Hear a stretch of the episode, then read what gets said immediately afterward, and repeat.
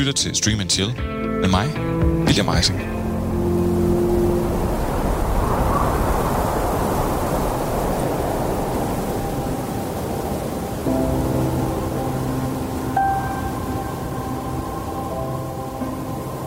Le Trantiers er en fransk postapokalyptisk tegneserie, der i 1982 blev skabt af Jacques Loeb og Jean-Marc Rochette.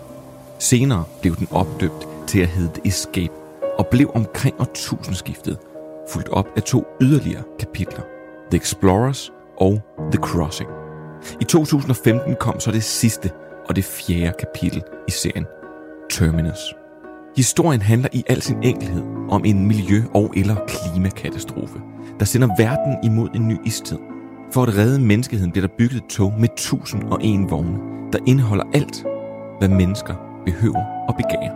Toget er opdelt i klasser og eksklusivitet, fra bagerst til forrest, og udpensler tematikker som klassekamp og hvilke valg mennesker træffer, når det kommer til deres egen overlevelse.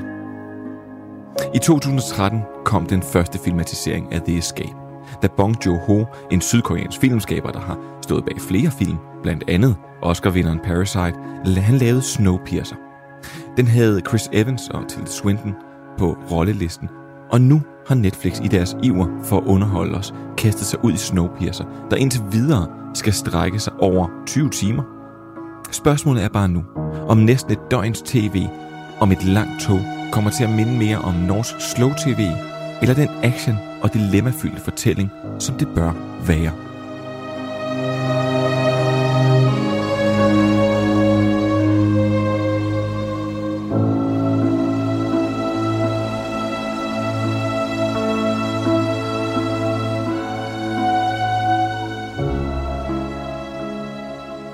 Velkommen til Stream and Chill, et program, der er for storforbrugere af serier, hvad ilt er for almindelige mennesker. I dag så skal vi på en lang togtur, når vi dykker ned i Netflix-serieudgaven af Snowpiercer. Ja, togjokesene begynder allerede nu. Så, du skal, så skal du høre lidt om øh, verdens dyreste serie, der er i fuld gang med at blive lavet, og hvorfor at du skal se en serie med en vred hvid mand. Og en anden serie med en mand, der bare var rig og alt for klam. Og selvfølgelig også en anden, en masse andet godt. Og til det, så skal jeg bruge en masse hjælp fra to kloge hoveder, der øh, står over for mig lige nu. Den ene har set så mange serier, at han efterhånden næsten kan kalde sig en ekspert på området. Enten det, eller bare en stor forbruger. Og derudover, ja, så skal vi ej forglemme, at han i weekenden øh, fordoblet sin måltotal, så han nu har scoret to mål øh, på sine øh, 10-11 år som professionel fodboldspiller. Velkommen til dig, Simon Skov Jacobsen. Tak for det, William. Og en anden... Jeg vil altså godt lige sige Simons forsvar, at han er forsvar. Ja, det, det er rigtigt. Og, og det var så faktisk øh, en anden mand, der også har scoret en del i sit liv. Uh, han har et uh, par børn som bevis for det faktisk. Så har han også nogle uh, filmpriser, hister her. Og han er også dagens anden gæst. Og han har en fancy titel, der hedder Chef et eller andet. Men det er meget nemmere bare at sige, at du er uh, godfather i Aarhus Filmby. Velkommen til dig, Ronny Fridtjof. Tak skal du have. Jeg har et spørgsmål til jer begge to. Hvem har ændret mit navn på Netflix-kontoen til Philip? Det har jeg. Er det dig? Ja. Det er fordi, jeg hørte det sidste program, hvor Manfred kom til at kalde dig Philip. Jeg, ved du hvad, det er jeg glad for at sige, for der er også, er det, var det også dig, der ændrede den, så det blev en børnekonto? Nej, det var det faktisk ikke. Okay. Jeg, vil, jeg vil sige, at det er jo at det er sådan, at vi har, at der har jo masser af forskellige øh, af de her seriekontoer her. Dem bruger øh, jeg og øh, jer som mine gæster til, når vi skal forberede os. Og jeg har bare oplevet, at jeg logget ind, og så kunne jeg kun se børneting. Øh, så var den sådan voksenlåst, og sådan den her gang, at det var Philip. Det er jo altså en øh, snak, vi skal have om det der. Jeg tror ikke, man må dele sådan en login. Jeg vil også sige, at jeg bruger det ikke. Jeg har mit du bruger det ikke. Det er, det er okay. Vi må godt. Det er har I fået lov af Netflix? Det har vi. Okay, det er øh, godt. Men prøv at, så synes jeg ikke, vi... Så jeg, tror, jeg tror, det med børnekontoen, det må være et øh, vink med en vognstang fra Elisabeth. Ja, ja men øh, der, det tror jeg faktisk skal ligge det. skal ligge der. Men, men prøv at høre, så kommer næste tog øh, øh, tema joke. Altså, hvis I har fået stemplet jeres billetter, så synes jeg bare, at... ja, det bliver en rigtig lang dag. Så synes jeg bare, at vi skal øh, stige ombord på toget, og så tage med Snowpiercer.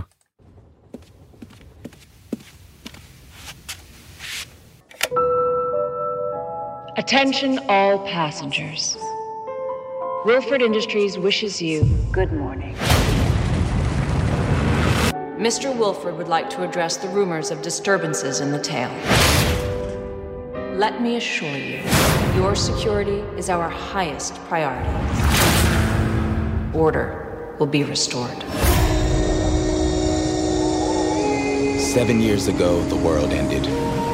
Now the train is all that's left.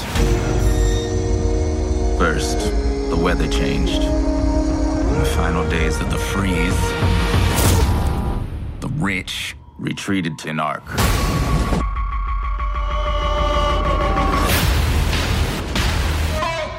This is Snowpiercer. This is how we survive. There are those who have, and those who suffer. What do you see when you look at this train?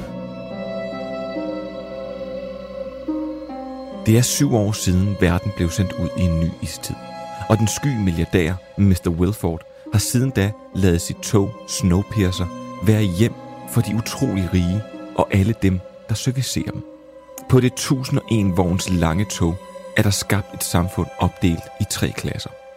Første klasse, anden klasse og tredje klasse. Derudover så er der halen, de bagerste vogne i toget, hvor flere mennesker snisser ombord for at redde livet for kulden. Livet i halen er så modbydeligt, som man overhovedet kan forestille sig.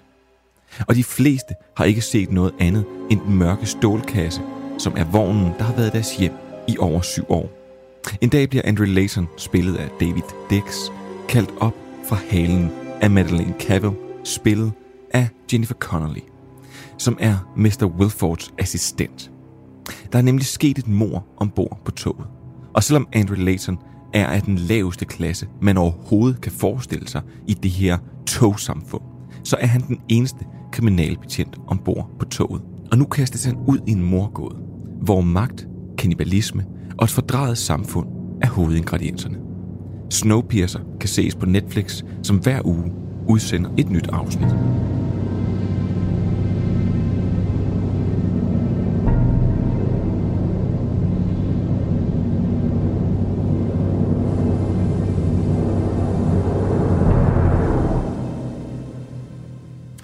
Serien er skabt af Josh Friedman, øh, der har været med til at lave øh, War of the Worlds, Terminator Dark Fate, og har skrevet manus til øh, Avatar 2, som lige efter planen, skulle sige, for premiere næste år.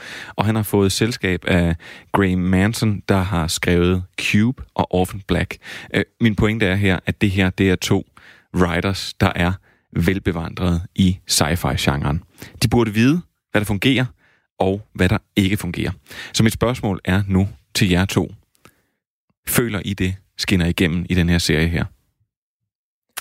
Ja, altså det synes jeg egentlig. Altså nu jeg er heller ikke så velbevandret i, i sci-fi-genren, så på den måde er jeg nok ikke en ekspert.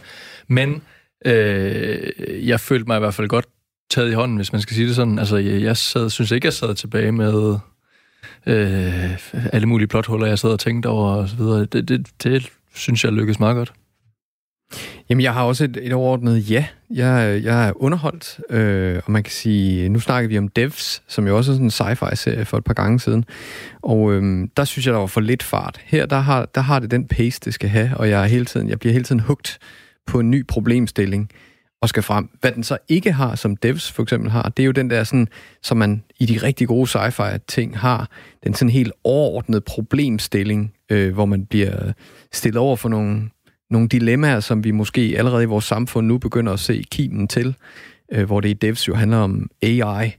Og her kan man sige, der handler det til dels om den overordnede ting omkring noget med, hvad kan klimaforandring gøre, men det, det, det kommer aldrig i spil.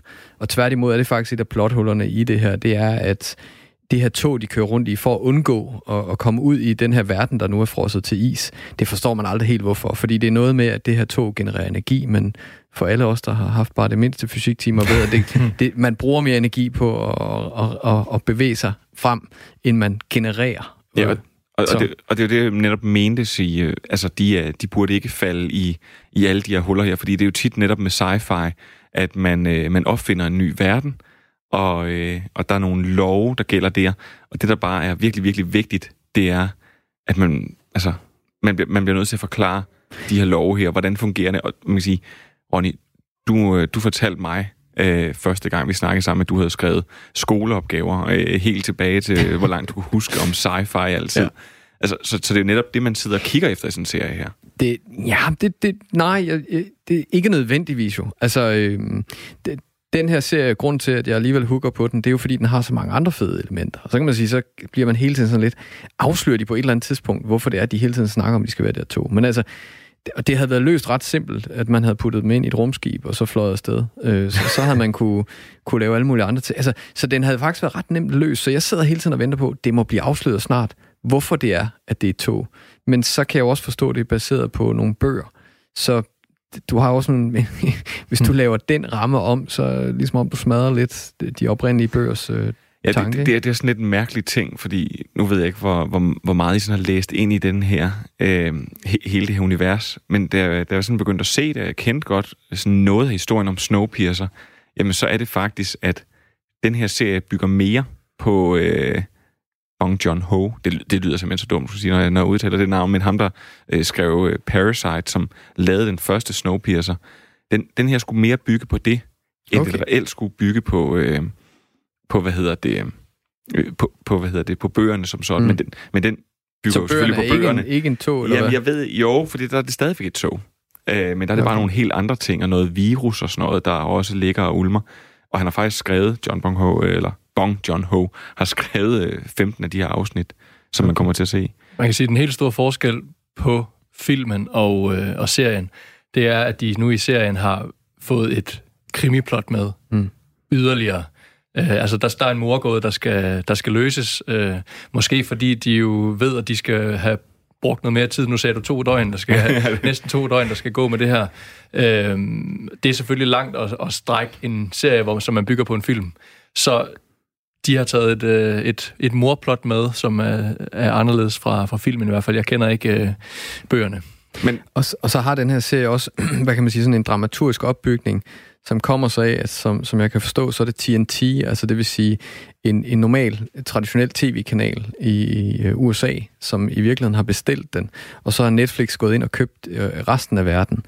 Så i USA, der kører den altså med reklamefilm imellem Øh, altså, der kommer sådan nogle breaks, og det kan man også mærke, når man ser serien. Der, der er faktisk, der er de ikke engang øh, bekymret sig for at fjerne de der små sorte huller, der er engang imellem, hvor, hvor man normalt vil se en reklame.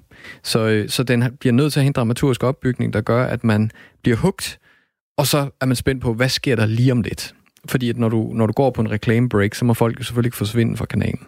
Og det kan man mærke, og det, det er jo også det, der gør, at man, man bliver hugt hele tiden, og man er på, og derfor bliver det lidt sådan et drug, hvor man bliver sgu ved med at se det, selvom i virkeligheden kan det godt være, at hvis man virkelig gik ind og analyserede og tænkte sig om, så kan det godt, at man tænker, hvorfor ser jeg egentlig det her? Altså, men det er fordi, det er så spændende hele tiden. Det er sådan, ah, hvad sker der næste gang? Jeg bliver nødt til lige at se det ved fem minutter mere. Men det er jo en serie, der har fået masser af hug Øh, og så, lad os, så synes jeg egentlig, lad os kigge, for jeg synes ikke, der var så mange huller øh, netop i det sci-fi-mæssige. Men, men hvad fungerer, Simon, hvad fungerer godt for dig, når du ser den? Jamen, øh, jeg, altså, Ronny han sætter fingeren på det, jeg selv har, har tænkt, eller måske virkelig ikke engang tænkt så meget over, men når Ronny siger det, så ja. Altså, jeg bliver revet med. Altså, det, det er god underholdning. Jeg synes, det fungerer øh, godt med det der øh, krimiplot, som jeg har lyst til at følge med i. Jeg synes øh, stadigvæk, de formår at øh, sætte gode billeder og historier på det her klassiske, der er i, i toget. Altså, jeg, jeg synes, der er en god sammenhæng mellem de to historier, eller hvad man skal sige, de to sider af, af sagen. Øh, og altså, så bliver den bare spændende. Altså, jeg har lyst til at se videre. Ja, og det er fuldstændig enig. Det der klasseskæld der, der er inde i toget, øh, øh, dialogen er super fed, faktisk. Jeg, jeg var sådan, da du sendte den der, og nu skulle vi se den, og det er tredje gang, jeg nu er medvirker i det her program, og de første to gange har jeg virkelig ikke følt, jeg har skulle, der har jeg følt, jeg skulle kæmpe for at komme igennem de her serier, jeg skulle se. Den her gang, der, der, var jeg, der troede jeg, åh oh, nej, nu er det endnu en serie, jeg skal kæmpe for at komme igennem, og konen var endnu mere skeptisk, altså, fordi hun er slet ikke til sci-fi. Men det er faktisk en med, at vi, vi, vi, vi, vi nyder at se den her serie. Det tror jeg, det er fordi, der er pis godt skuespil, synes jeg. Jeg kan forstå, som du siger nu i dag, at øh, hovedrollen har fået lidt, lidt øh, knups. Det, det, det, det, det var ikke min følelse, da jeg sad og så det. Jeg synes, det er et godt skuespil. Øhm, og jeg synes, øh, stemningen, du kommer ind i, altså den har sådan lidt, øh, hvad var det nu, den australske film hed? Øh, den hedder, hvor de kører rundt øh, i nogle sjove biler ude i ørkenen. Den hedder... Mad Max. Tak. Den har lidt den der stemning. Altså, de får, får skabt sådan et... Ja, der, der, er kun, der er kun én vej, og det er fremad. Ja, og, og sådan det der, det, der, det der oprør, der jo er på vej, og, og, og, og det klasseskæld, som, hvor, hvor nogen lever virkelig under nogle kummerlige vilkår, og så nogle andre lever i det her sus og dus, og, og, og der er nogle virkelig skæve typer. Du kommer bare ind i et miljø, der, der er fedt at være i. Du, du, du forsvinder lidt ind i det her, det her tog, og det fungerer faktisk men, overraskende godt. Men jeg er uenig med dig, lige Nå, i forhold til den der hoved, hovedrollen, fordi nu, jeg vil faktisk spørge, Ronny, du har, øh, du har produceret et hav af film. Ja. Har du nogensinde været med til at caste skuespillere? Det må man sige. Okay. H- hvad kigger man efter i sådan en casting? At det virker naturligt. Hvis man skal sige det helt kort, det skal virke naturligt. Så når der kommer nogle, nogle, nogle ord ud af munden på den pågældende skuespiller, så skal det virke naturligt i forhold til den rolle. Fordi det er jo også det, der er, vi har jo vanvittigt mange dygtige skuespillere herhjemme, og nogle roller er bare mere egnet til nogle andre. Det er, ikke sådan, det er jo ikke, en casting er jo ikke sådan en, er du en god eller en dårlig skuespiller. Det er mere, passer rollen til dig eller ej. Okay. Og er den kemi mellem de skuespillere, som der er, fungerer det? Fordi det, det, en ting er jo, om du er en dygtig skuespiller og kan din egen linje. En anden ting er, når du står over for de andre skuespillere, der skal være med. Hvordan er det, øh, det hvordan er den synergi og, og den kemi? Og det vil jeg sige, det, det er der, det er jo tit gør man jo det i en casting, at man først caster dem enkeltvis, og så bagefter kaster man øh, skuespillerne sammen i de roller, der skal spille meget sammen. Og der, der får man også nogle, nogle svar på, øh, og hvis man lige har haft to eller tre skuespillere, som måske var på vippen alle sammen til at få rollen, jamen så er det der, man sådan, ah, okay, de der, de passer fantastisk sammen. Okay, men jeg synes netop, fordi det, det, det er der, hvor det begynder at gå lidt skævt for mig. Jeg synes, at indimellem, så er der nogle, øh, så er der sådan nogle mærkelige castings. Jeg synes, at Jennifer Connelly var jeg rigtig, rigtig glad for at se igen. Det mm. ved jeg ikke, hvordan det har til. Helt enig. Altså, hun er med afstand min favoritkarakter i, øh, i serien. Altså, jeg synes, der er noget mystik om hende, og jeg synes, hun spiller den virkelig godt. Altså, det, hun, er, hun er suverænt den bedste, synes jeg. Ja, hun spiller, om, og man kan nærmest mærke, at hun, sådan, øh, at hun er et lidt et andet luft. Hun spiller over for hende, øh, som, som kommer fra, hvad hedder det, The Americans, som var med i den i et par sæsoner, og hun spiller sådan meget hårdt over for hende, men de, der synes jeg, der er et clash imellem dem. Det er sådan ligesom anden assistenten på, øh, på første klasse. Men jeg synes, at ham her, Davy Dix, øh, altså han, jeg, jeg synes faktisk ikke, han er særlig god. Ja. Jeg synes, det, det, sådan, jeg, det virker jeg påtaget. Ja, det, det synes jeg så netop ikke. Øhm, for ellers vil jeg ikke sige, at jeg, jeg synes, han er god. Så jeg, jeg, jeg, jeg synes, han, jeg synes, han er naturlig. øhm, jeg, jeg, jeg tror på ham. Der er ikke, der er ikke sådan scener, hvor jeg tænker, ej, det der, det, det, sådan vil han ikke reagere der. Hvad siger du, Simon? Jamen, jeg ligger vel et eller andet kedeligt sted mellem jer. Altså, jeg, jeg var ikke... Øh, jeg, han blæste mig ikke om kul, det gjorde han bestemt Nej, ikke. Men, det... men, men altså, jeg forstår godt. Det gjorde men, han måske heller ikke mig, men, Ronny, men igen, Ronny, jeg har ikke tænkt over, at han var dårlig. Ja, Ronny han har åbnet det der blad af Mix, og så har han taget øh, den der dobbeltplakat ud, eller den der dobbeltside ud, og taget plakaten ud og hængt den op inde på sit værelse. Og så Jamen, jeg tror, det er rigtigt sagt. Altså, jeg har heller ikke tænkt over, at han var dårlig. Nej. Og det må man okay. vel også tage med som så er man en god, positiv fordi det er jo præcis ja. det, en skuespiller skal kunne. Du skal ikke tænke over, de spiller. Nej. Altså, så, så jeg vil sige... Det er en god point. Og så er der en gang imellem, hvor man lægger mærke til, hvor godt de spiller, fordi at man bliver så revet ind i en følelse, de har, hvor man tænker, okay, hvordan kan den mand leve sig ind i den situation så vildt? Altså, at jeg bliver revet så meget med. Så, så man siger, det er exceptionelt godt. Men, men igen, her synes jeg bare, det er et godt skuespil. Det er ikke, det er ikke sådan... Det, ja, det er hverken exceptionelt eller skidt. Der lander jeg faktisk på en enig, tror jeg. Okay. Øh, er, er der så noget, hvor I sådan vil pinpoint, hvor I siger, det er der, hvor, den, det, er der, hvor det går galt? Vi snakker lidt med, om det der med toget. Altså, fordi det er jo et, et vigtigt sci-fi element, hvis man, siger, hvis man skal vende tilbage til det, at tingene, de spiller sammen. Jeg havde en, øh, en, en kollega her, der en dag kantede mig, og så sagde, øh, prøv lige at forklare mig omkring nogle af de der love der, der er i His Dark Materials, fordi nogle gange så brød de nogle af de love, som de egentlig selv havde sat op for, hvad, hvad, hvad kan lade sig gøre i det her univers, og nogle gange gjorde de det ikke. Altså, i for eksempel i Harry Potter, man kan heller ikke bringe døde øh, mennesker tilbage. Og jeg synes, der er nogle gange her også er mm. nogle steder, hvor at, at, at de der togvogne der, de ser meget, meget store ud. og når man så ser dem udefra, så tænker man, jeg, jeg kommer bare til at tænke på, hvordan fungerer det? Skal man gå igennem hinandens stuer, eller at de sidder i et rum, hvor der er vinduer på begge sider, men hvordan kan de så komme Jamen, der, der er en del ting af det der, hvor man sådan, der skal man bare æde den. Og det, det tror jeg, det er det, jeg til sidst endte med at sige. Men ved du hvad, det skal jeg ikke stille spørgsmålstegn ved, fordi så bliver jeg hele tiden revet ud af historien, ja. for der er så mange ulogiske ting i, i, i den fortælling. Så hvis man bare æder den overordnede fortælling om, de bliver nødt til at være i det tog, og der er ligesom en, en, en, en X-klasse helt nede i bagenden, eller The Tail, som de kalder det, og så er der øh, First Class øverst op, og det klasseskæld mellem, fordi de går også meget ud af at se, at man kan gå fra 3. klasse op til 2. klasse, eller man kan vinde en plads i 2. klasse, i stedet for at man er i 3. klasse. Så, og det, det er en motor, jeg rigtig godt kan lide. Jeg, jeg kunne godt have ønsket, at de havde fundet en anden måde at løse det på, hvor jeg ikke havde også havde haft de her huller i, i logikken. Og det tror jeg egentlig godt, de kunne have løst, men der tror jeg, det skyldes, at det er baseret på noget. Jeg tror, den bliver... En anden ting, jeg tror, den bliver for lang. Altså, Ja, 1001 vogne, det er ret langt. du elsker de der. Hold nu op, altså. Improviseret det hele. Eller står den derovre på monitoren? Nej, jeg tror, altså... En ting er, at jeg tror, en, en, den havde fungeret meget bedre som en miniserie på en 5-6 afsnit. Ja. Øh, nu er der 10 afsnit i første sæson, og den er allerede fornyet med en anden sæson. Altså, det, det har jeg, nu har jeg jo ikke set den færdig endnu, men det, det har jeg en fornemmelse af, bliver for langt. Altså, det, det bekymrer mig lidt. Så der tror jeg, at den kommer til at fejle for mig, fordi indtil videre er jeg, er jeg rigtig godt underholdt, men, men jeg er i tvivl om, jeg kan blive ved med at, at blive underholdt af, af den her morgåde og, og det her specielle tog. Altså, det er jeg faktisk også lidt, men jeg vil sige, at der er netop en ting, og som du siger, Ronny, det er jo et, det er jo en samme produktion, kan man sige. Netflix har nok øh, spædet lidt til i forhold til, at de har købt den her fra TNT. Og i og med, at det er en tv-serie, så laver den, det, det, gør, øh, det gør serien normalt, men du ved, det, på Netflix, så, så behøver man ikke at vente. Så kommer der et afsnit lige bagefter. Her skal man faktisk gå og vente en uge ad gangen på at se øh, det næste afsnit af Snowpiercer. Og det gør, og det lader jeg bare mærke til her, hvor vi har set de fire første afsnit, der er øh, kommet ud, at den slår sådan en svirp med halen. Der sker lige noget lidt dramatisk. Der sker faktisk også det, som du sagde, at før det bliver sort skærm, mm. så sker der også lige noget, øh, sker der også lige noget lidt dramatisk, for der skulle mm. været en reklamepause. Mm. Kan man så måske pause og gå ud og tisse, og så komme tilbage igen, så det føles af den amerikanske tv-oplevelse. Men, men det, må, det, det, det kan godt være, det får mig til at se, øh, se videre. Mm. Det kan du godt have en pointe i.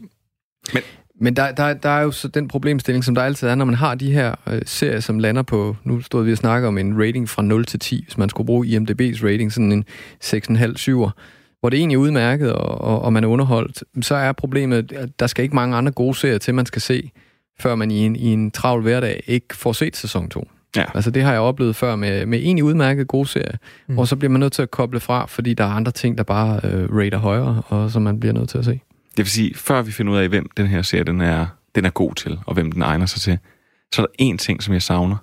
Øh, og det er, at de... Øh, for, for, for mange år siden var jeg på sådan en dokumentarfilmfestival, og det var åbenbart året, hvor alle dokumentarfilm skulle have sådan en tegneserie-explainer i sig.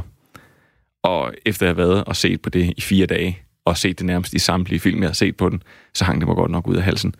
Men den her serie her, den starter med sådan en tegneserie-explainer. Og den savner jeg faktisk lidt.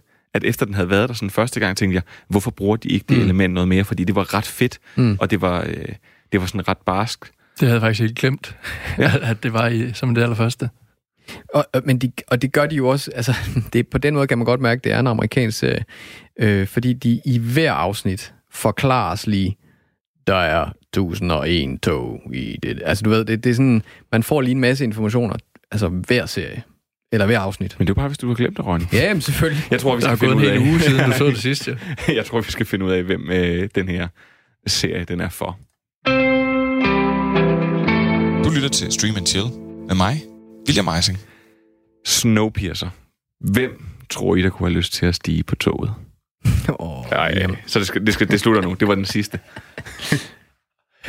Jamen, det, det skal øh, folk, der er, har lyst til at sætte en god underholdningsserie på, som ikke... Øh, hvor man godt kan parkere hovedet lidt øh, fra sin travle hverdag, mm. og så stadigvæk blive, blive rigtig fint underholdt. Øh, det tror jeg, der er mange, der, der godt kan blive tiltrukket af. det, det er jo meget sådan generelt omkring en serie, skulle jeg sige. Ja, ja, men, men altså, det, det er der, den, den lander for mig. Altså, jeg, jeg tror ikke, jeg kan komme det nærmere. Du behøver ikke at være mega sci-fi-nørd, eller, mm. altså, eller det modsatte. Altså, det, øh, det, er en, det er en rigtig fin underholdningsserie, og så heller ikke mere end det.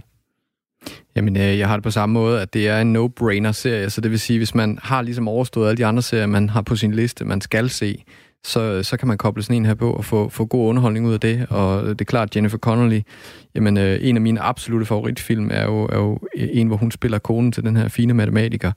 Øhm, øh, og nu har jeg selvfølgelig glemt, A Beautiful Mind.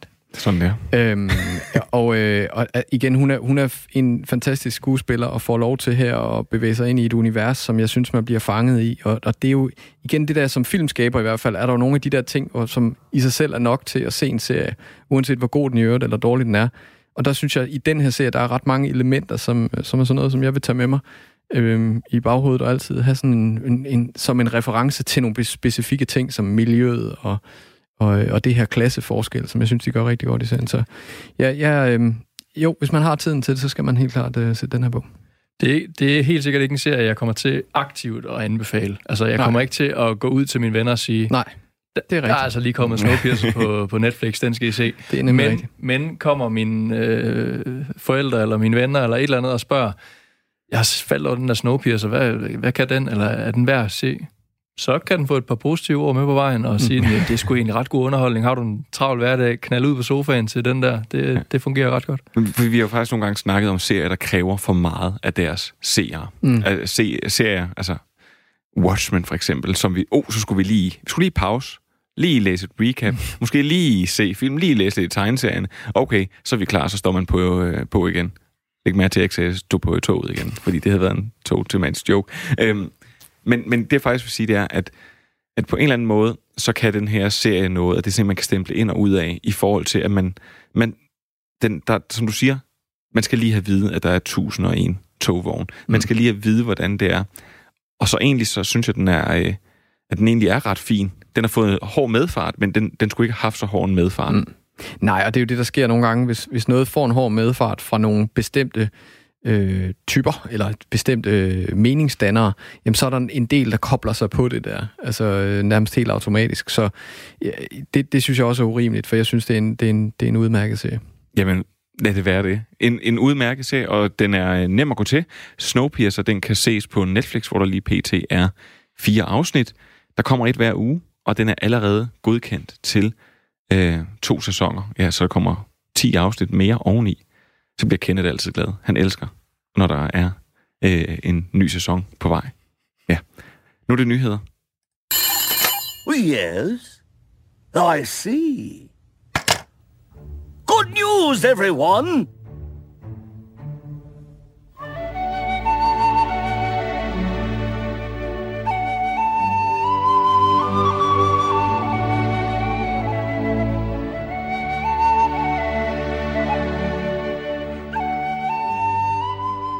Det er, hvad man kalder et godt gammeldags opsamlingshit på Amazon Primes helt store The Lord of the Rings satsning. Men jeg synes simpelthen, det er så interessant, så vi bliver nødt til at kaste os over det.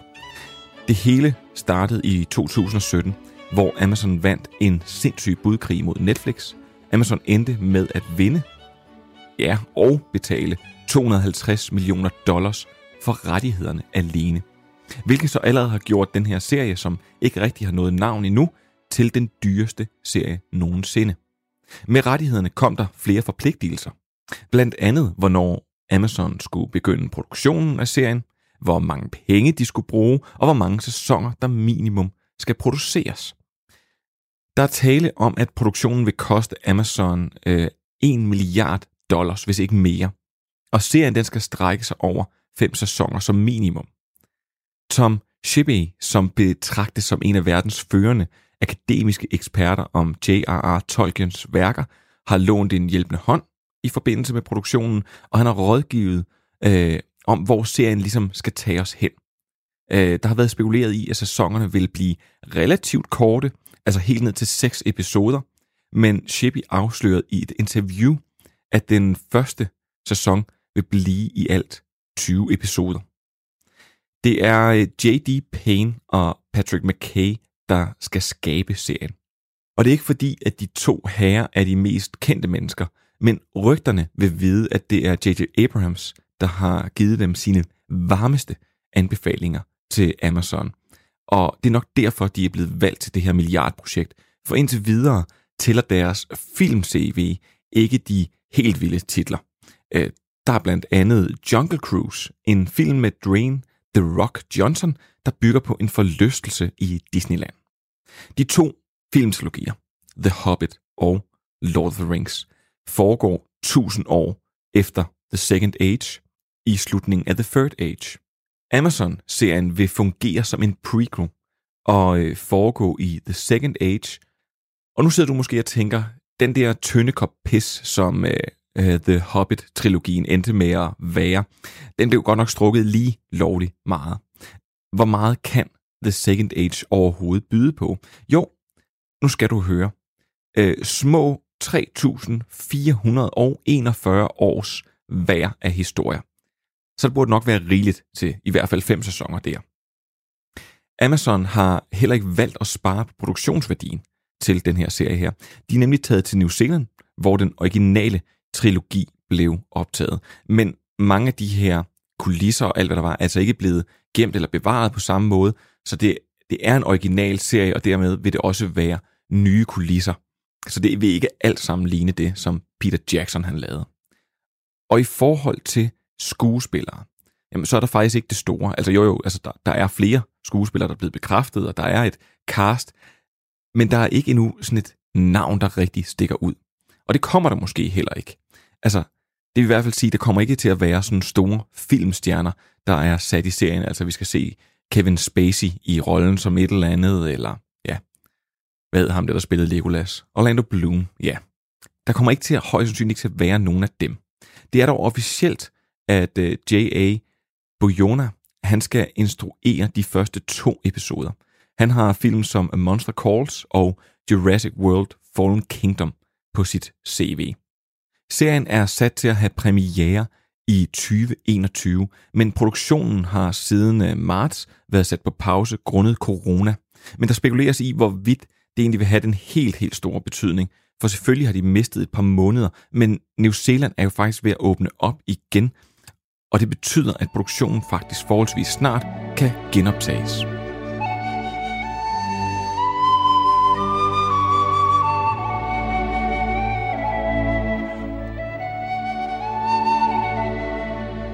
Og så synes jeg, øh, at vi lige skal slutte af med noget helt andet end Lord of the Rings.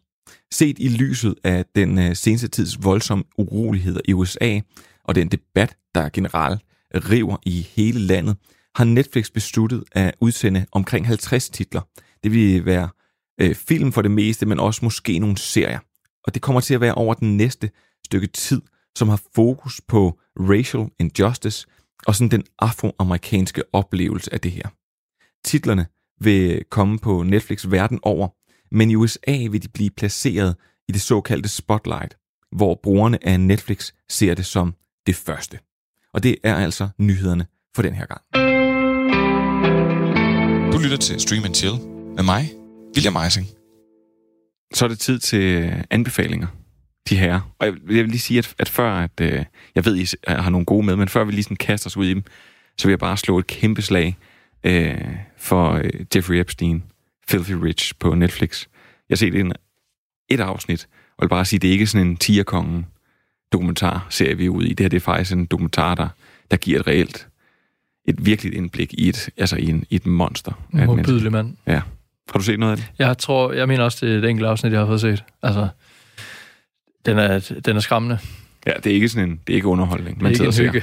Nej. Men, øh, men ved du hvad, Simon, nu tog du ordet. Jeg synes, du skal så have lov til at lægge, øh, lægge for land. Jamen gerne. Øh, det er også en dokumentar. Øh, jeg har før været omkring DR's øh, musikdokumentarer, og det kommer jeg altså igen. Jeg synes, de er, de er ret gode til at lave det, og nu synes jeg, de har lavet den bedste, jeg har set i, øh, i Tessas hævn. Øh, det er Anja Pil, som igen er, øh, hvad hedder sådan noget, bagkvinde for det. Øh, hun er, jeg synes, hun er vanvittigt dygtig. Og øh, de, har, de har jo formået den her gang at komme med på en, ja, nu snakker jeg X-Factor-sprog, på en, øh, på en har de været med på rejsen? vanvittig rejse. Åh, oh, sådan der. altså, Tessa, det er, jo, det er jo helt vildt et år eller to, hvornår det nu er, altså, hun har haft.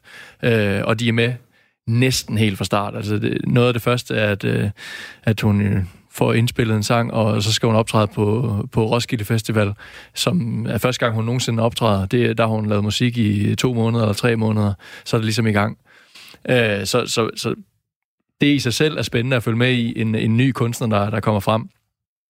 Så er der så mange andre aspekter i det. Altså, hun har haft et, et fuldstændig vanvittigt hårdt liv øh, med øh, massevis af, af overgreb, øh, alkohol fra en tidlig alder, omsorgssvigt, øh, øh, trusler om hævnporno. Altså, der er øh, virkelig, virkelig mange øh, aspekter i det, som er, bare skal høre om, og, men, men virkelig også interessante og, og brugbare. Øh, noget, man kan lære af, fordi hun, hun er så ærlig, og, og man kommer så tæt på.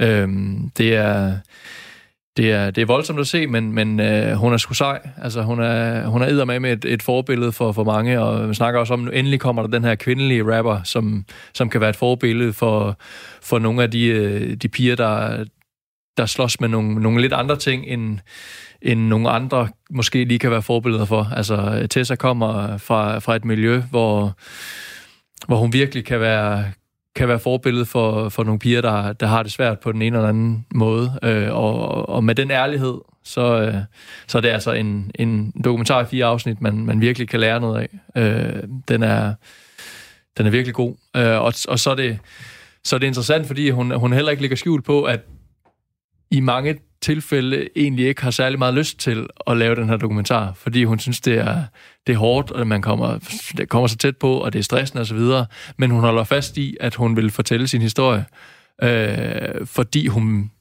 er opmærksom på, at hun har altså fået en platform nu, og hun kan øh, hjælpe så mange, specielt unge piger og kvinder, kvinder til at, at komme ud af, af problemer. Ronny, øh, du har også haft lavet dokumentar, har mm-hmm. du? Jo. Altså, når man... Øh, for jeg, jeg, sige, jeg har læst mange af de ting, som sådan Simon lige hæver op. Jeg har faktisk ikke set det nu, men jeg har, jeg har jo læst de her overskrifter, læst nogle vilde ting. Altså, hvordan... Øh, når, når, man, når man laver de her dokumentarer her, er der ikke sådan en mærkelig ting, sådan at man sidder og tænker, åh, oh, det her det er bare guld. Men det er jo også et menneske lidt, der nogle gange næsten må smelte, smelte sammen for, øh, for åben, øh, for rullende kamera. Og det er, det er en af de største problemstillinger, man står i, når man laver en dokumentarfilm, det er jo, at man har nogle medvirkende, og for dem har det en konsekvens at, at medvirke i sådan en dokumentar. Så øhm, det, det, er jo, det er jo et øh, samarbejde, kan man vel godt kalde det, mellem filmskaberen, altså det vil sige instruktøren, nu er jeg produceret øh, dokumentar, jeg er ikke selv instrueret. Øhm, så instruktøren, der jo kommer meget, meget tæt på de her personligheder, øh, det er der, man ligesom fra starten af aftaler, øh, eller laver sådan et, øh, om det er ikke nedskrevet, men, men snakker om, hvad man må og ikke må. Og der er det jo, der er det jo meget øh, forskelligt fra den enkelte medvirkende, hvad man må og ikke må. Og så vil jeg så sige, det er også meget forskelligt, hvordan den enkelte instruktør så bruger den tillid. Fordi det er virkelig en tillid, man får givet, når man får lov til at få øh, et meget, meget nært indblik i en anden persons liv. Og som oftest vil det jo øvrigt være med et eller andet emne, der har noget på spil. Det vil sige, at, at tit og ofte ved den medvirkende ikke helt, hvad konsekvens det kommer til at have, når det her det så rammer skærmen. Og der har man altså et ansvar, både som producent og som instruktør, øh, hvor man bliver nødt til at guide sin medvirkende lidt i forhold til, øh, hvad, hvad konsekvensen kommer, eller kommer til at have. Øh, og et eksempel på det var, da vi lavede Armadillo, som jo havde en ret stor konsekvens for de øh, medvirkende, der var med. Jamen, så var vi ligesom med, også bagefter, i forhold til at, at hjælpe dem til at sige, hvad havde det her konsekvenser, hvordan kunne man ligesom, hvordan kunne de arbejde med det? Øhm, også mediemæssigt. Altså, hvad, hvad, hvad skulle de sige, hvad skulle de ikke sige bagefter? Så nu var de meget trænet, øh, fordi de selv kom fra et, et system, kan man sige. Ikke? Men, men, øh, men det er klart, sådan en pige som Tessa, hun, øh, jeg håber, der er en instruktør, der virkelig bakker op om hende, også efter kameraet slukker. Simon, nu, nu, nu skal jeg sige, hvordan udstiller de hende? Hvordan, hvordan bliver hun øh, fremstillet i den her dokumentar her? Føler man, at der nogle gange er blevet enten øh, lagt lidt for meget underlægningsmusik op, eller skruet lidt op for nogle dramaturgiske greb? Eller, eller har man som sådan ser et indtryk af, at den her tessa her, den er meget reel?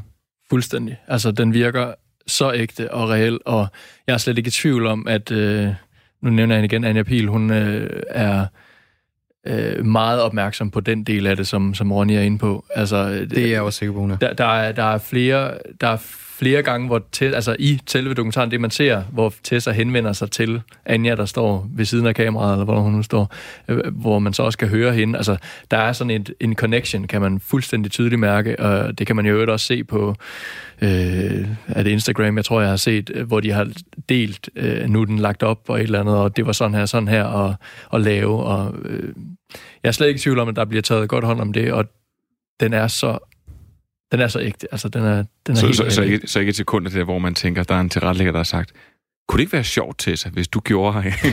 I, i, i, hvert fald ikke ude, I hvert fald ikke uden, at, at, at Tessa selv har synes det har været, mm. okay. været helt i orden, og, og, øh, og, øh, og, og medvirkende til hendes egen historie. Og, man, og, det, og det der, når man gør det der, det er jo også okay, hvis det ellers er i trit med virkeligheden så er det mm. faktisk okay, at du genskaber en scene, eller du får nogen til at lave en, en slags nærmest instrueret scene, så længe det øh, portrætterer den virkelighed, der er. Fordi nogle gange har du bare ikke fået den scene, du gerne vil have.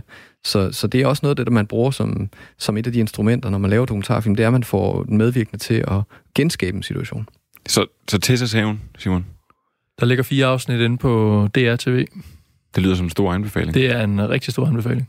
Ronny, øh, det, det er jo altid svært at komme efter sådan noget her. Ja. Især fordi jeg har på fornemmelsen, at, at de der måske ikke helt lige så seriøst. Nej, det synes jeg nu egentlig faktisk, det er. Men, men det er klart, det er en helt anden genre. Så nej, det, på den måde er det vel ikke. Der er ikke så meget på spil, øh, for det er fiktion. Men det er, det er en serie, der hedder Sex Education, som øh, jeg kan ikke engang huske, hvordan min kone og jeg, vi øh, faldt over den. Øh, det har jeg den idé om. Ja, okay. Det, der blev vi afsløret. Nej, øh, ja, øh, men, øh, men hvad der i virkeligheden burde være en serie for, for måske mest teenager, øh, det, den er vi virkelig hoppet ned i med, med begge fusser. Altså øh, mega underholdt, fordi den, det den kan, som jeg synes er meget unikt, øh, det er det der med at have det det komiske, samtidig med, at man har det, der gør ondt. Man er virkelig underholdt, og så, så er der nogle fede karakterer, øh, man kommer virkelig rundt, og man bliver mindet om, hvordan det var at være ung. Altså, og det, det synes jeg er super fedt. Og så er der sådan et par ekstra bonusser, altså for eksempel spil. Altså, den handler om en ung gut, som øh, har en mor, der er psykolog, øh, seksolog, og, øh, og, og øh, han har lært en masse af hende i sin opvækst, men han har aldrig selv prøvet at have sex men han, han forstår at formidle og, og snakke om sex, og, og har også alle de rigtige svar på det, for det har moren åbenbart ligesom øh, øh fået ind med modersmælken. Og, øh, og det vil sige, at han laver sammen med en ven en, øh, en, en, en sex-psykolog øh, øh, mulighed i, i skolen. Så det vil sige, at andre kan altså købe hjælp hos ham, hvor det er, han så øh, øh hjælper med gode råd i forhold til sexproblemer. Selvom han aldrig selv har haft sex. Det, det afslører han jo så selvfølgelig ikke over for dem. Men, øh, og de, de råd, han kommer med, fungerer. De virker. Fordi de selvfølgelig kommer øh, fra, fra moren, som jo er dygtig. Og det er øvrigt, moren er spillet af Gillian Anderson, som I måske ikke husker for X-Files. Det er også en meget sjovt gensyn med hende. Ja, hun er virkelig... Øh, jeg har set Sex Education. Ja. Også sammen med min, øh, med min kæreste. Jeg ved ikke, har du... Øh... Jeg har også set den sammen med min kæreste. Jamen, og den er... Øh, altså, den, den, den har fået meget hype, og, og det har den med rette. Mm. Jeg er faktisk en af de ting, som vi blev mærke i, at det, nu det kommer til at lyde som sådan en rigtig voksen farsnak, når vi snakker Men øh, at, at jeg tror, øh, da anden sæson udkom, så kom der nogle artikler, hvor der netop var nogle af de her ting, som unge mennesker snakker om, at så så og så mange prøvede den type sex, og de synes, at en mm. trekant er normalt, eller hvis man mm. ikke kan gøre sådan, eller hvis man ikke kan gøre sådan, fordi, man har, fordi at de har set så meget porno allerede, mm. før de kommer ud. Og det er jo sådan nogle af de ting, som den serie tager fat i, mm. og ligesom afkræfter en. Og, og, og der var egentlig virkelig meget, hvor jeg tænkte, altså hvis man, hvis man sidder og ser den som sådan 15, 16, 17-årig, der må virkelig være mange ting, som sådan beroliger en på en eller anden måde. Præcis. Udover den er sjov. Præcis. Altså, det er sådan en serie, som jeg da helt klart, når min egne døtre kommer i den alder, hvor det bliver aktuelt, så synes jeg, at de skal se den, fordi den giver faktisk et rigtig godt indblik i, i den problemstilling i den alder øh, omkring seksualitet. Og så, nu, nu nævnte du Gillian Anderson. Øh, ham, Asa Butterfield, øh, er også med. Det er ham, der spiller hovedrollen. Og det, han har jo spillet med i Hugo og i Enders Game blandt andet. Jeg synes bare, det er, det er bare fedt nogle gange, når man kan se nogle af de her skuespillere her, der har kunne spille skuespil som børn, og som bare, altså, som vokser op. Han er så godt nok. Han er jo en, en, en relativt ung mand, men han ligner faktisk ikke en, en, en, en, en særlig voksen, øh, en særlig voksen dreng. Han ligner en på sådan 15-16 år. Mm. Ja, og så, så hans sidekick uh, har jeg aldrig set før. Jeg ved ikke, om jeg kan udtale hans navn korrekt. Nukoti Gatwa. Og han, øh, han spiller virkelig fedt. Han er fantastisk. Altså, det er en super fed rolle. Han er altid positiv, og det, ja. det er jo sjovt, jeg havde en snak med en anden filmskaber her forleden dag omkring, øh, hvordan man kan portrættere øh, problemer på forskellige måder. Man kan lave noget, der er virkelig tungt, og, og næsten... Øh, man har ikke lyst til at se det. Og så kan man tage nogle problemstillinger, som er fuldstændig samme problemstillinger, og så kan man vise dem på en måde, hvor det øh, underholdende er det forkerte ord, men hvor, det, hvor, det, hvor man har lyst til at se på det, hvor man har lyst til at dykke ned i det mørke, eller man har lyst til at være sammen med den karakter, selvom man kan mærke, at det gør mega ondt, og det man gør det også ondt, når man sidder og ser det. Og det, det er han virkelig god til at portrættere i den problemstilling, han selv står med. Øh, det, det er virkelig interessant. Ja, og, og, og der er jeg bare, så sige, der, der vil jeg melde mig, melde mig fuldstændig del til. Jeg faktisk sige, at jeg kan gennemgik efter første sæson, så gennemgik jeg sådan mange af de her skuespillere for ting. Jeg har ikke set dem før, men de er virkelig interessante. Og der er faktisk flere af dem, hvor de har haft bitte, bitte små roller i noget andet, når man sådan kigger på deres credits. Men, men det her, det er, sådan den, det er sådan den første store rolle for mange af dem. Og det, jeg synes bare, det vidner om en, en, et rigtig godt manus, men også en rigtig dygtig instruktør, der formåede ligesom at fortælle. Og så må de jo også bare være dygtige af natur. Ja. Jamen, Jeg er i hvert fald helt med på den anbefaling også. Altså, Helt klart. forrygende serie. alle skal have noget Den sex man se. education. Ja. Præcis. Og den kan man se på Netflix, og der er faktisk også en, øh, en tredje sæson på vej. Det er godt nyt. Det er det, det må man sige. Den glæder jeg mig til at se. Øh, men prøv at høre, vi, øh, vi, bliver, vi bliver på Netflix. Der kommer til at være rigtig meget Netflix i det her afsnit her. Øh, men øh, jeg ved ikke, om der er nogen af jer, der har stiftet øh, bekendtskab med komikeren Bill Burr. Jo. Ja. Nej. Ja, det var fordi, jeg, jeg tror, jeg fik annonceret, at vi skulle have en meget vred, hvid mand i spil til, til det her afsnit her. Og det er fordi, at der kommer lige i morgen, lige om lidt faktisk, som er i morgen, kommer der en ny sæson, en fjerde sæson af FS for Family, som er en animationsserie, der er skabt af komikeren Bill Burr, og som foregår i starten af 70'erne, hvor at vi møder øh, Frank Murphy. Og Frank Murphy er, udover at være desillusioneret, så er han også øh, temperamentsfuld. Han er far til tre, og så oven i det, så arbejder han i et dead-end job i en lufthavn. Sådan et klassisk amerikansk arbejderfamilie. Nå ja, og så er han så øh, krigsveteran for, jeg kan ikke huske, ja, det må være Koreakrigen, og der er jo en Vietnamkrig, der vist lige er blevet afsluttet, og sådan. Det er, han havde forestillet sig, at hans liv skulle gå en anden vej, og det ser man allerede i introen, hvor den her unge, flotte mand, han får sin student, eller sådan, ja, den der sorte studenterhue, hvad det nu er, og så flyver han op igennem luften, og så lige pludselig så får han en draft notice kastet i, i ansigtet, og, øhm, og hvad hedder det, og da han så, den, den ligesom flyver væk, så ryger der et barn i armene på ham, og så øh, vokser hans mave lige pludselig sådan, så at, altså, det er sådan en, det er en mand, som øh, synes, at han, for, øh, at han selv fra lige for lidt siden var 20 år, og nu er han øh, i hvert fald i 40'erne, og, og hvad der skete med livet. Og han er bare... Øh, han, han er, han, Bill Burr har taget noget af det fra hans øh, stand-up-komik, øh, hvor han er sådan en meget vred mand, der råber andre mennesker, og siger, at han øh, altså har sådan en, en joke med, at, øh, at altså, han ved godt, at det ikke er en, en, at det er en populær me, altså det er en populær holdning at have, men altså den eneste måde at løse alle verdens problemer på, det er, hvis øh, 85 procent af os ligesom lige tager og smutter et andet sted hen. og han, og han, han, han, han, er bare virkelig, virkelig god. Og han er, det, det, det er en god øh, serie. Nu ved jeg ikke, Ronny, har du det nogle gange sådan lidt? Du, du, du er den ældste også, og du har øh, nogle børn. Følte du, at du var 20 år for lidt siden? Jamen, jeg føler stadig, at jeg er 20 år. altså, så øh, så det, det, det er ikke for lidt siden. Jeg, jeg, jeg, det er jo sådan helt filosofisk, så jeg tænker, at man er den alder, man er inde i, ikke så meget udenpå. så jeg er ikke så sur. Jeg er ikke så sur er over sur. gamle, fordi jeg føler egentlig, at man bare selv bestemmer sin egen alder. Det hvordan man opfører sig.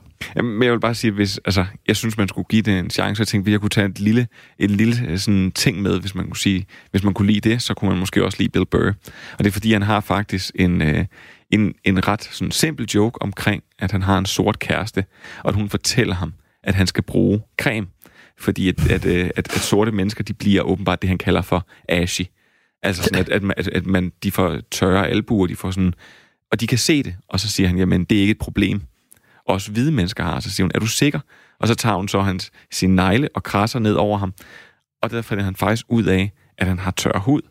og der bliver hans pointe så, at, øh, at det, at det, man så skal gøre, det er, at man skal snakke med forskellige mennesker, og hænge ud med forskellige mennesker, for ellers så sker der sådan noget. See that? That's why you gotta hang out with everybody. Yeah. There's too much information in the world, and every group of people misses a little bit. White people totally missed the lotion seminar at some point in history. I don't know if it's because we can't see it. You know, black people get ashy. It looks like they like leaned up against a chalkboard or something. You know, they can see it. They miss it. Their friends help them out. Like, look at your ashy motherfucking elbow. What is wrong with you? Right? We miss that shit the way black people miss the whole register your weapons summit. Right? Just never got the information. Ja, det er måske en lidt uh, hissig uh, de jokerspil i, i de her uh, tider, hvor at, uh, hele verden er ved at falde sammen uh, i USA. Jeg vil bare sige, han er, han er virkelig sjov, og han er... Uh, han er, uh, han, han, han, er, han, er, han, er ikke, han er ikke racistisk eller noget. Han, er, han hader bare dumme mennesker, og dem, uh, dem er der en masse af i verden, mener han. Så hvis man synes, det her det bare var lidt sjovt, så synes jeg, man skal give F uh, is for family en chance. Mm. Har du, er du faldet over den, Simon? Det var sådan noget, du måske... Overhovedet ikke. Nå. Jamen, så, øh, så vil jeg sige, så er, der, øh, så er der god underholdning, hvis du lige skal nå at køre tre relativt korte sæsoner ned, før du så i morgen så kan se den fjerde sæson. Ja. Og når du har gjort det, så kan du faktisk også lige se øh, Paper Tiger, Walk Your Way Out, I'm Sorry You Feel That Way, og uh, You People Are All The Same. Okay, den er bare, Okay. som Du har er, manglet airtime, kan jeg høre. som er, øh, jamen det er, det er Bill Burrs, øh, alle hans specials. Ja, Ah. de, det, det, det var ikke, øh, ikke så meget til stand-up, eller hvad? Jo, jo, jo, for helvede da. Åh, oh, nu bandede jeg. Men jo, absolut. Men det er igen det der med tiden. Jeg, jeg siger det i hver program, og nu bliver jeg også nødt til at sige, at denne gang, jeg har tre børn. Men Jamen, jeg kan ikke, ikke nå at se så mange serier, som jeg gerne vil. Og, og, og stand-up. Det er godt, at du så øh, sådan har ansvaret for alt øh, film og serieproduktion sådan på den måde på, Præcis. på den her side Det af er det, bæltet. jeg bruger tid på. Altid. Men prøv Som mange på Danmarks Radio, der arbejdede der i gamle dage, sagde, vi ser ikke tv, vi laver det. sådan, sådan, der er ikke noget til nu. Altid. Prøv at høre. Øh, Tessas Hævn øh, kan man se på øh, DRTV. Fire afsnit. Yes. Sex Education kan man se ligesom alt andet, øh, som vi På har nævnt Netflix. også, på Netflix. Der er to sæsoner. Og så ellers er det F is for Family. Og så kan man, tror bare, man kan skrive uh, Bill Burr, så kommer der en masse øh, stand-up specials. Vi skal lige nå at have nogle øh, rigtig stærke afbefalinger med.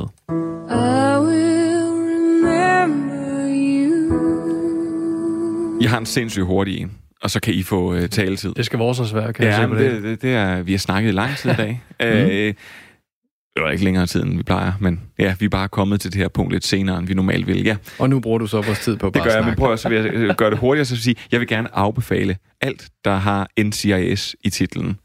Og, Det var øh, hurtigt. en- Enten om der kommer noget foran, eller der kommer noget bagved. Lad være med at se det lort. Jeg, jeg så noget på TV3 den her den anden dag. Det var, nej, det var skidt. Simon. Ja. Jeg kan ret godt lide at, at øh, slappe af til øh, madprogrammer eller rejseprogrammer, eller måske en blanding. Øh, Anthony Bourdain var jo fantastisk til at lave dem. Øh, så faldt jeg over et... Okay, nu er det, så, det er så igen Netflix, men det afbefaler jeg, ikke? Ja, okay, det er godt. Øh, det hedder Somebody Feed Phil. Ja. Og det er jo Philip Rosenthal, hvis det er sådan, man udtaler hans navn, som er ham, der stod bag øh, Alle Elsker Raymond. Han har simpelthen fået lov til i øh, tre sæsoner nu at øh, rejse jorden rundt til alle mulige fede byer, og så bare spise alt det bedste mad. og, øh, og det er jo et drømmejob, men ej, hvor er han irriterende. Altså, det, alt, hvad han putter ind i munden, er det bedste, han nogensinde har smagt. Og hans overivrige, hans, øh, han er øh, fuldstændig... Han prøver at være sjov hele tiden, og det synes jeg bestemt ikke, han er. Det er der garanteret nogen, der synes, men det synes jeg bestemt ikke, han er.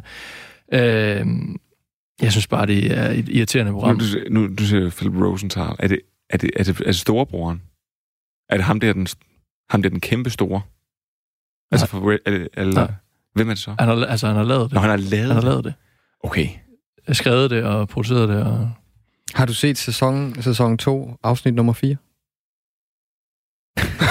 Det er fra København. Øh, ja, det, det har jeg. Ja, Okay. Nå, ja, det har jeg. Du er nået så langt alligevel. Nej, men jeg, jeg, har bare, jeg har ikke set det hele overhovedet, så jeg har bare bladret lidt rundt, og så har jeg valgt nogle byer, jeg godt kunne, kunne tænke mig at se noget om. København selvfølgelig. Ja. Men altså, det er bare, jeg synes virkelig, det, det gav mig ikke den effekt af, at slappe af til noget, noget lækkert mad og byer og sådan noget. Jeg blev bare irriteret. Så afbefaling herfra. Og, og prøv at se, det er dit opfølgende spørgsmål. Det, det, det, det kostede os, at nu kan du ikke få lov til at Nej, men det, noget. men ved du, det er perfekt, fordi at, at jeg, kan, jeg vil helst ikke af, afbefale den her serie. Jeg faktisk hellere anbefale den en anden gang, for det er både en afbefaling og en anbefaling. Men så tager vi den en anden gang. Det Ja. ja. eneste, jeg kan sige, det er, at uh, du kan finde mere Stream and Chill på Radio 4's uh, app, hjemmeside og på Apple Podcast, Spotify og Podimo, hvor der faktisk er en eller anden, der bare bliver ved med at give os en masse hate. Øh, så jeg vil faktisk sige, at øh, hvis man har lidt overskydende glæde til overs i form af en anmeldelse, så skal man bare sende det vores vej. Og så tror jeg, jeg giver de sidste ord til Sean Luke. You know, back when I was in the academy, we would follow every toast with a song.